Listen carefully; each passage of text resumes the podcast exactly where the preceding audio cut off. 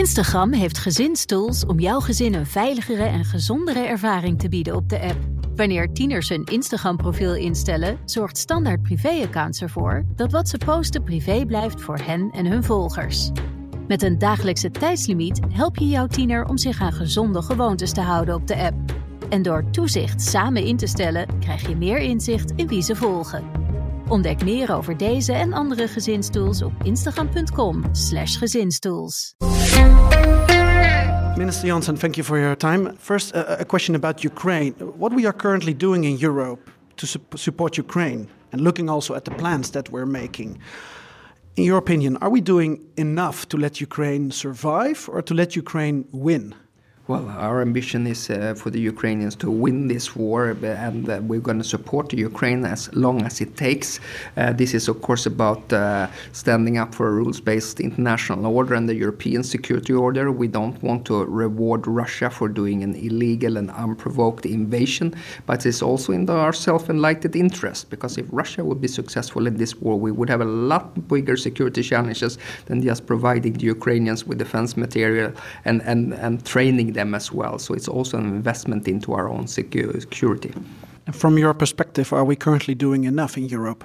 Well, I think we're at the stage also where many countries now also, also uh, inside the EU and outside also thinking about what they can do in the long term. We have a discussion now going on about strengthening the European peace facilities and possibly also having a, an a Ukrainian envelope. I think a lot of countries now are also doing more on the civilian side, thinking about what we're going to do on the uh, reconstruction phase. There is also the G7 the, uh, agreement that the Warsaw Sweden supports on having bilateral security ties. Uh, there are countries stepping up, such as the Netherlands, when it comes to strengthening the, the Ukrainians and providing them with fourth generation fighter aircraft. So I think that many things are being done, uh, uh but more things are going to be doing, uh, going to be needed also for the future.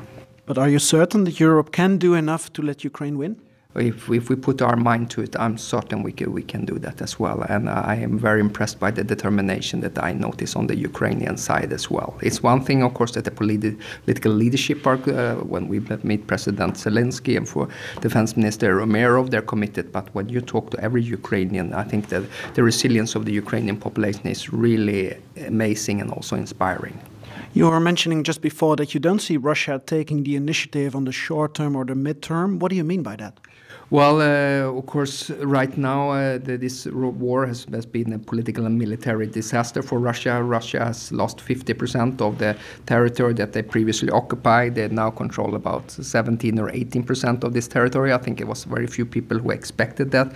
That and and of course the Ukrainians are pushing, but it's it's of course very difficult when they don't have air superiority and they have limited means for long strike capable uh, long strike capabilities. And and lots of efforts has during the last six months been devoted to strengthening the Ukrainian armed forces. Uh, of course, we together within the Ramstein format uh, built, trained, and provided the Ukrainians with 12 new brigades, and we're going to continue supporting uh, Ukraine for as long as it takes.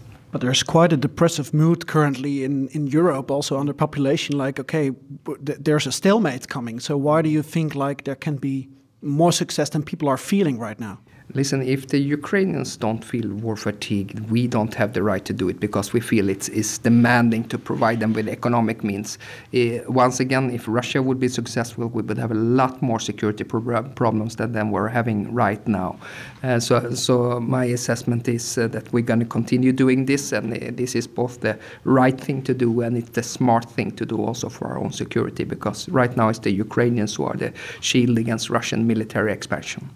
Um, uh, some questions about NATO. When you will enter NATO, when it's all ratified, um, will you advocate for more defense investment than the two percent we're currently looking for? Because that's um, um, that's a minimum now instead of a ceiling. But I kind of have the feeling that you're approaching for more.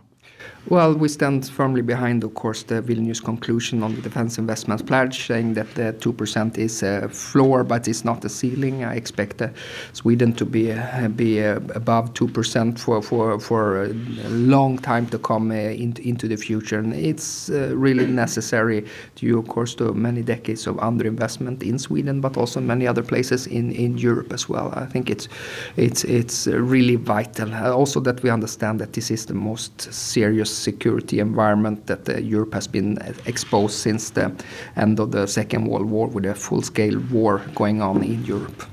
What's the latest update you can give me regarding Turkish and Hungarian approval for ratification of NATO? Well, we are glad that uh, Turkey now has, the President Erdogan has, has decided to hand over our accession process, uh, uh, protocol to the Grand Assembly. And as far as I know, it's in the Committee of Foreign Affairs. And we hope to become full fledged member of the alliance as soon as possible. We think it would be good for Sweden, but it will also be good for the whole alliance because we have assets and capabilities to, uh, that can make NATO stronger and we can, we can fit into NATO's uh, regional plans as, as uh, in regard to Hungary Hungary, they always tell us that they're going to be they're not going to be the last ally to ratify our uh, accession protocol, and uh, so we're hopeful this is going to happen very soon. Um, I know a Swedish word. It's called Jul, Christmas. Christmas is coming. Will Sweden be in NATO at the end of the year, formally? That would certainly be a good Christmas present, and we're working very dedicatedly for it to happen as well. So, so yes, we're, we're looking forward to, to, join the alliance, and we feel a, a strong endorsement and support of the other uh, other allies in this regard. So you're asking Mr. Erdogan and Mr. Orban, like, make sure that we have this Christmas present from you? Well, uh, I, I, never would tell a, a, a, parliament what to do, not the Swedish or anyone else. I respect that this is an uh, this is an autonomous decision by, by two national parliaments. Uh, uh but uh, we are hopeful, and we feel it uh, would be good for Sweden, and it would good for NATO that it could happen as soon as possible. Yeah, you, you know more about it than I do. You, do you have a positive feeling about it that it can happen at the end of the year?